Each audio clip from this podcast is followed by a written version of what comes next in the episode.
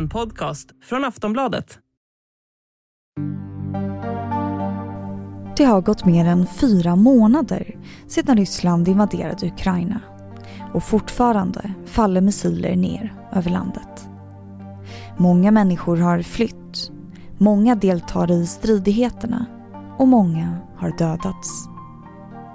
Ryssland har tagit över stora delar av Ukraina nu, senast staden Lysychansk i Luhanskområdet. Samtidigt så har Ukraina just tvingat Ryssland att lämna den omtalade Ormön.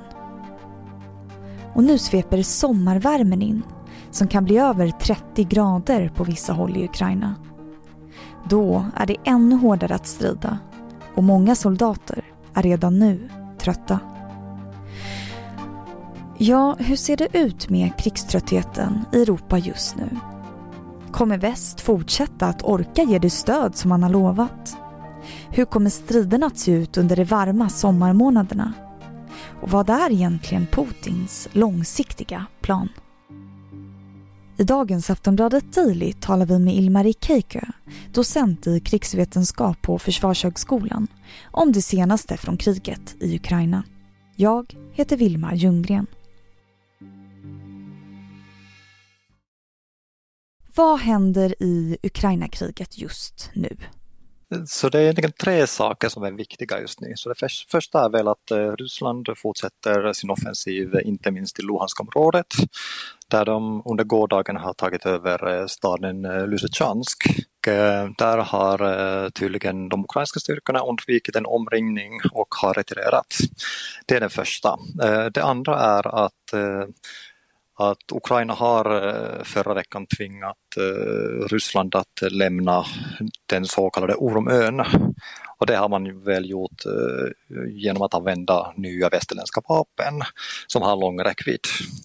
Och sen den tredje saken är väl att den ukrainska motoffensiven i södra Ukraina i Chersonområdet fortsätter. Och det är väl där vi förväntar oss att, eh, att Ukraina försöker göra allt som man kan just nu. Delvis för att eh, ta tillbaka det här området som eh, Ryssland vill annektera så småningom och för att tvinga Ryssland att dela, dela sina styrkor ehm, så att, så att den ryska offensiven i Luhansk och, och nu så småningom kanske mot Donetsk tappar, tappar styrkor. Så om man slår samman det här, hur stora delar av Ukraina har Ryssland tagit över nu, så att säga? Så man har tagit eh, drygt en femtedel av Ukraina, så det vill säga mellan 19 och 20 procent av, av eh, den ukrainska ytan. Och det, det är väl rätt, rätt mycket kan man säga. Är det vad de hade förväntat sig, tror du?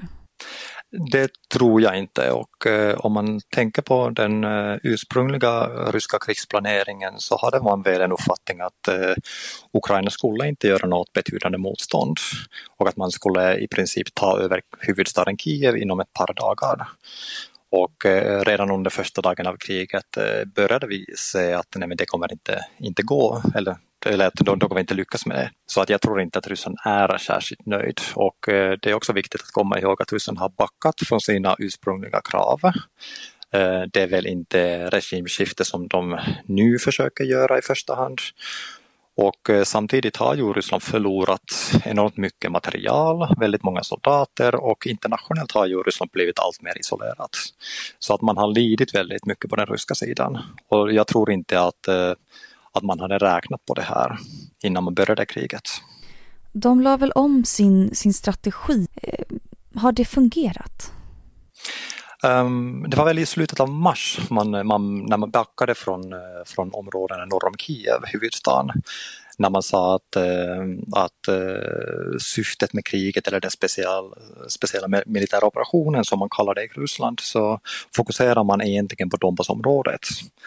Eh, och efter det har man eh, agerat väldigt mycket mer eh, försiktigt. Ehm, och det är väl de stora förlusterna som, som förklarar det här. Så att i, i, under de senaste månaderna har ju man använt väldigt mycket eld och inte minst indirekt eld för att eh, skydda sina soldater. Och det är väl den här strategin som, som Ryssland använder fortfarande. Och eftersom Ryssland har avancerat så måste man väl säga att den har delvis funkat också. Och du nämnde ju lite förut där att man haft problem med soldater. Hur har det sett ut? Ja, men Ryssland har ju inte deklarerat krig och eh, det är fortfarande olagligt att, att, att ens kalla det här krig för ett krig i, i Ryssland. Så att eh, man har inte gjort någon allmän mobilisering och eh, det är därför det, det har varit svårt för Ryssland att mobilisera soldater till det här kriget. Så om man ser på vilka som strider mest eh, så är det väl eh, tre grupper. Det första är de, de som man har tvångsrekryterat på de separatiststyrda områdena i Luhansk och Donetsk. Den andra gruppen är Wagner, legosoldater och den tredje gruppen är reservister som, som skrivit kontrakt. Så att eh, man har inte på den ryska sidan supermycket reserver och det begränsar ju vad man kan åstadkomma. Det som är dock lite oroväckande är att eh, tidigare har vi trott att eh, att den ukrainska sidan har manskap men saknar material men att den ryska sidan har material men saknar manskap. Men eh, nu under de senaste veckorna börjar man undra att var någonstans är det ukrainska manskapet? Så att det, det, det känns som att, om att eh, båda sidor saknar manskap. Och det är inte bra nyheter för Ukraina. Och eh, jag pratade med tre ukrainska militärexperter igår om det här och eh, frågade dem att, att eh, har inte Ukraina använt de senaste fyra månaderna för att mobilisera och utbilda soldater? Och eh, samtliga tre sa att eh, Ukraina har inte gjort det, inte i den omsträckningen som man kanske borde ha gjort. Och hur ser det ut med vapenleveranserna då till Ukraina? Ja, men om man frågar Ukraina så har man ju fått bara en bråkdel av det som man behöver.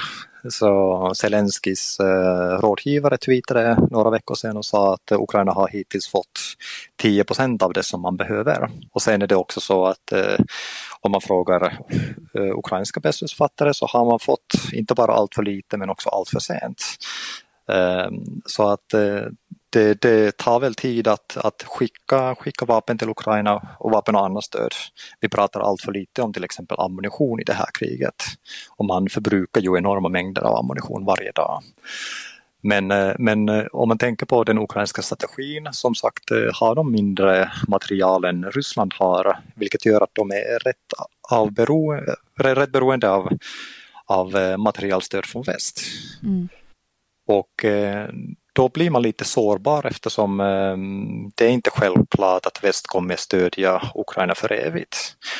Ehm, eftersom det finns en viss slags eh, krigströtthet redan, redan som man kan, man kan höra ehm, hos, hos vissa i, i till exempel Europa och även i USA givetvis. Aftonbladet Daily är strax tillbaka. Hey, I'm Ryan Reynolds. Recently, I asked Mint Mobile's legal team if big wireless companies are allowed to raise prices due to inflation. They said yes. And then when I asked if raising prices technically violates those onerous two-year contracts, they said, "What the f*** are you talking about? You insane Hollywood ass." So to recap, we're cutting the price of Mint Unlimited from $30 a month to just $15 a month. Give it a try at mintmobile.com slash switch. $45 up front for three months plus taxes and fees. Promoting for new customers for limited time. Unlimited more than 40 gigabytes per month. Slows. Full terms at mintmobile.com.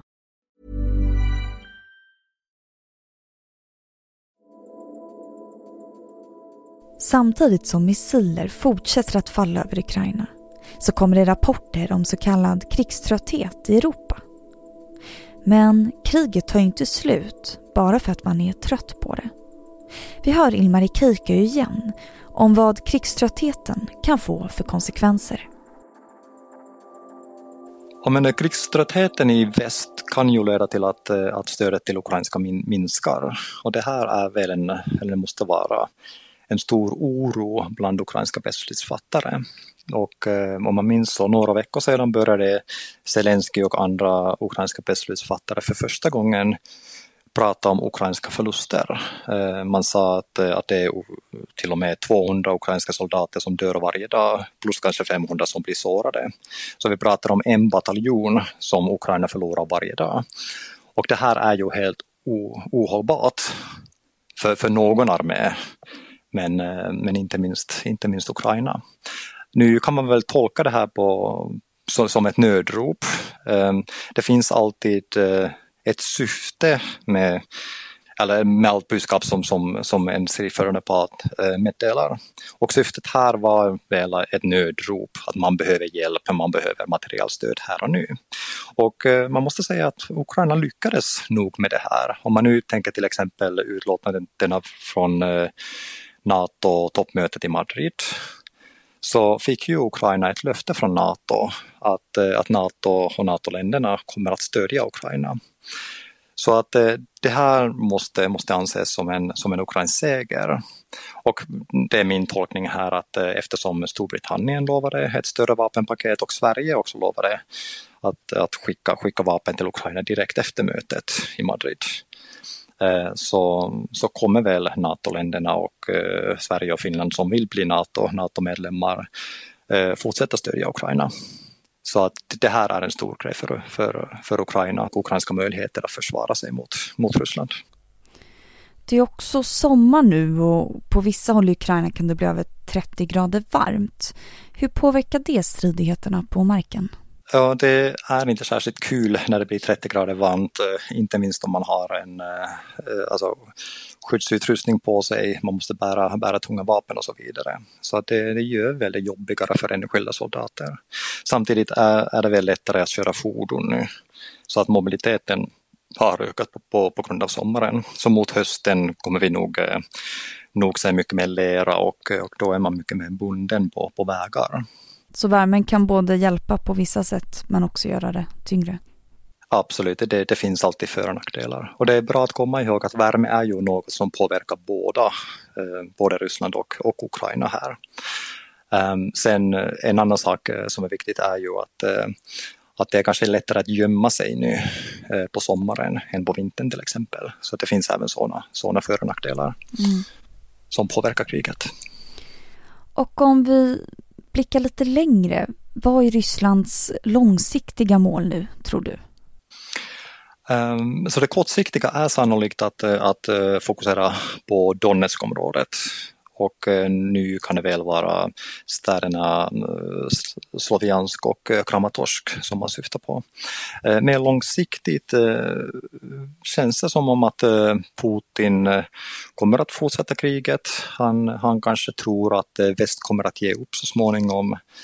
Um, och det, det, är kopplat till den här krigströttheten och inte minst Eh, energipriserna, matpriserna, inflation som påverkar ju världsekonomin just nu och, och alla av oss personligen. Men, eh, men han eh, tänker nog vänta ut så att vi blir trötta och sen överger Ukraina. Sen är givetvis frågan om det kommer bli så eller inte.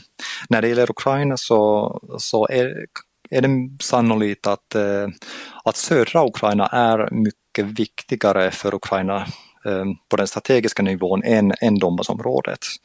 Eftersom eh, det finns eh, större städer i söder, till exempel Odessa.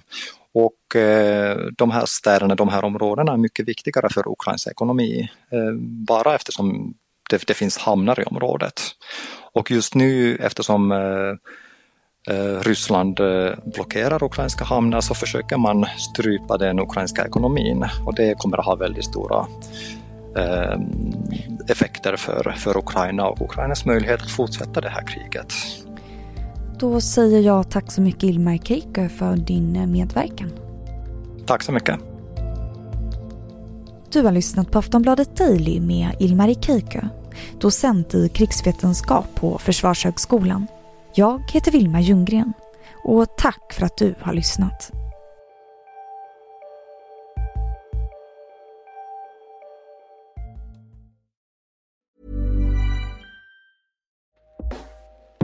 Hey everyone, I've been on the go recently Phoenix, Kansas City, Chicago. If you're like me and have a home but aren't always at home, you have an Airbnb. Hosting your home or a spare room is a very practical side hustle. If you live in a big game town, you can Airbnb your place for fans to stay in. Your home might be worth more than you think.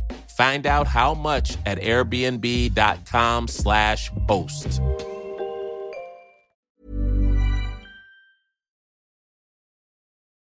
Du har lyssnat på en podcast från Aftonbladet. Ansvarig utgivare är Lena K Samuelsson.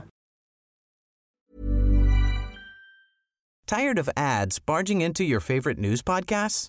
Good news. Ad-free listening is available on Amazon Music for all the music plus top podcasts included with your Prime membership.